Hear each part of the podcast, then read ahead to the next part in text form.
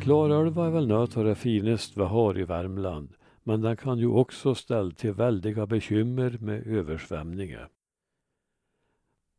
Arvid Olsén kom ihåg naturkatastrofen i Sysslebäck våren 1928 när Klarälva hade en våldsam översvämning med isdamm och elände. Artikeln var införd i Värmlandsbygden den 22 april 2005. Våren 1928 hade de värmländska tidningarna mycket att berätta om den jättelika isdamm som hade bildats i Klarälven i månadsskiftet april-maj. Timmer och is tornade upp sig till ett berg och orsakade översvämning och stor förödelse i Sysslebäcksområdet. På flera ställen bildades liknande dammar som täppte till älvens flöde. Den mest spektakulära händelsen var att den relativt nybyggda hängbron över Klarälven raserades av de väldiga naturkrafterna. En som minns katastrofen är Arvid Olsén, Tustaholmen, som var åtta år och bodde i det drabbade området. Jag kommer ihåg, säger han, att pappa blev arg på oss ungar för vi tyckte bara att det var roligt och spännande. Vi var ju för små för att inse allvaret i det som hände. Tustaholmen på västsidan är låglänt och svämmades över flera gånger när isdammar bildades vid holmen Kvällra söderut. Då gick älvvattnet norrut i Kvällerådran och fram till bebyggelsen. 1928 gick vattnet från älven långt upp på husväggarna, berättar Arvid.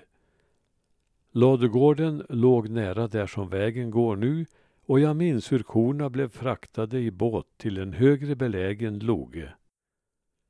Tustaholmen var full av timmer och isflak när vattnet dragit sig tillbaka. Måndagen den 30 april 1928 rapporterar Nya Värmlandstidningen att den lilla bron över bifåran till Klarälven vid Sundhult spolats bort på söndagen. Isdammen täckte då en två till tre kilometer lång älvsträcka och hade under dagen med dunder och brak flyttat på sig några kilometer. En så väldig anhopning har icke i mannaminne förekommit, skriver NVT. Landsvägen låg på sina ställen 1,5 meter under vattenytan. På måndagen nådde isdammen Näckåbron, den långa hängbron över älven vid Sundhult i norra delen av Sysslebäck. Is tillsammans med timmerstockar som lagts upp i väntan på flottningen tornade upp sig till ett tio meter högt berg och började trycka mot bron. Älvdalsbygdens lokalredaktör Ante Ante lämnar denna rapport till sin tidning. Olof Jönssons gård stod så vid tiotiden inför den hotande faran att fullständigt sopas bort av vattenmassorna. På andra sidan hade nu de ånyo lossnande ismassorna fullbordat sitt verk, raserandet av den stora bron. Båda pelarna brötos tvärt av och bron kastades skoningslöst ned och blev liggande på själva isdammen. Nu rådde det fullkomlig panik på bägge sidor om älven. Och där slutar citatet. Samtidigt sökte sig älven västerut och de närmast liggande gårdarna utrymdes. NVT meddelar tisdagen den 1 maj. I detta ögonblick inträffade en ny, alldeles oväntad katastrof i det att älven som av dammen hindrats i sitt vanliga lopp bröt sig en ny fåra väster om den gamla. Då detta skrives hotas de närmast liggande gårdarna så att man funnit det nödvändigt att utrymma detsamma. Slut på citatet. En stuga rullades på stockar i säkerhet och en annan revs. Landsvägen översvämmades och blockerades av tre till fyra meter höga isblock på en kilometer lång sträcka. Förödelsen var stor. Flera försök att spränga isdammen med dynamit gjordes, men inte förrän på torsdagen lyckades det. Isen började då röra sig igen och vattnet i den nybildade fåran drog sig sakta tillbaka. Britta Olsson Sundhult var bara fyra år när detta inträffade, men hon minns hur det var.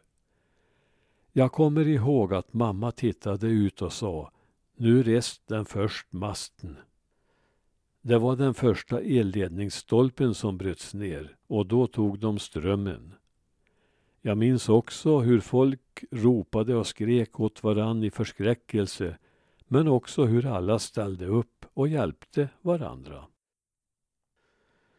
Den nya älvfåra som höll på att bildas hade tidigare varit en låglänt sumpmark där den lilla bron byggdes, den som ledde till hängbron. Där bröt älven ut stora landmassor och en ävja bildades. Men vattnet drog sig så småningom tillbaka. Britta kommer ihåg hur de blev varnade av de vuxna för att gå för nära rasbranterna. Det måste ha varit en mycket kall vinter före, menar Britta, för det låg stora och tjocka isflak på åkrarna ända fram emot midsommar. Östsidan i Sysslebäck var naturligtvis också drabbad och isdammar fanns på andra platser.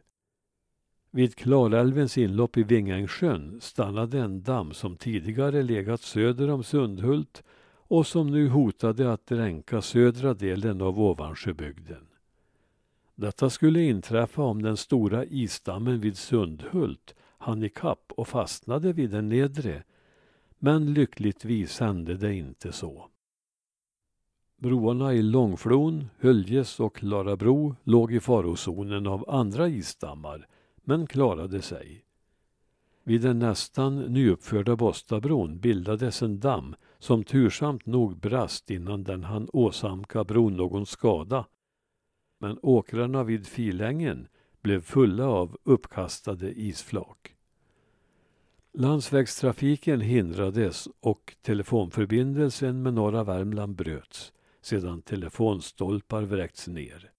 Tankarna hos många gick säkert till den oerhörda översvämningen tolv år tidigare då älvens vatten på sina ställen nådde mellan bergen. 1916 var det bara en liten fläck som stack upp ur vattnet på Tustaholmen har Arvid Olsén fått berättat av sin far. Naturligtvis var det folket på västsidan som blev hårdast drabbat av katastrofen med isdammen. Landsväg, skolor och affärer låg på östsidan och den bro man med samlade krafter lyckats uppföra några år tidigare försvann nu på några ögonblick. Brobyggareföreningen på Sundhult var van vid resoluta tag och Älvdalsbygdens alerte lokalredaktör kan den 11 oktober 1928 meddela att föreningen beslutat att återuppbygga bron. Klarälvens flottningsförening skulle bidra med 3 000 kronor vilket motsvarade ungefär halva kostnaden. Arbetet kom snart igång och bron stod där åter lika ståtlig som förr. Men denna gång låg den högre upp ifrån vattenytan. Tidningsnotiser berättar om flera skador som den plötsliga våren 1928 orsakade. Dessa var nog så besvärande men kom i skuggan av den stora isdammskatastrofen vid Sundhult. Vid Badhusbäcken i Likenäs störtade en landsvägstrumma samman och vägen skars av. Höljebron underminerades men räddades genom snabba insatser och landsvägen på Gunnebyheden skars av sedan Munkdalsbäcken dämts upp och grävt en ny fåra, tio meter djup. Orsaken till 1928 års katastrof står att finna i en ovanligt snabb snösmältning efter en snörik vinter. 1946 var situationen åter hotande med nya stora isdammar. Men då blev skadorna inte så omfattande. Idag är risken för isdammar liten sedan kraftverksdammen vid Höljes blivit byggd och vattenmassorna där får en högre temperatur.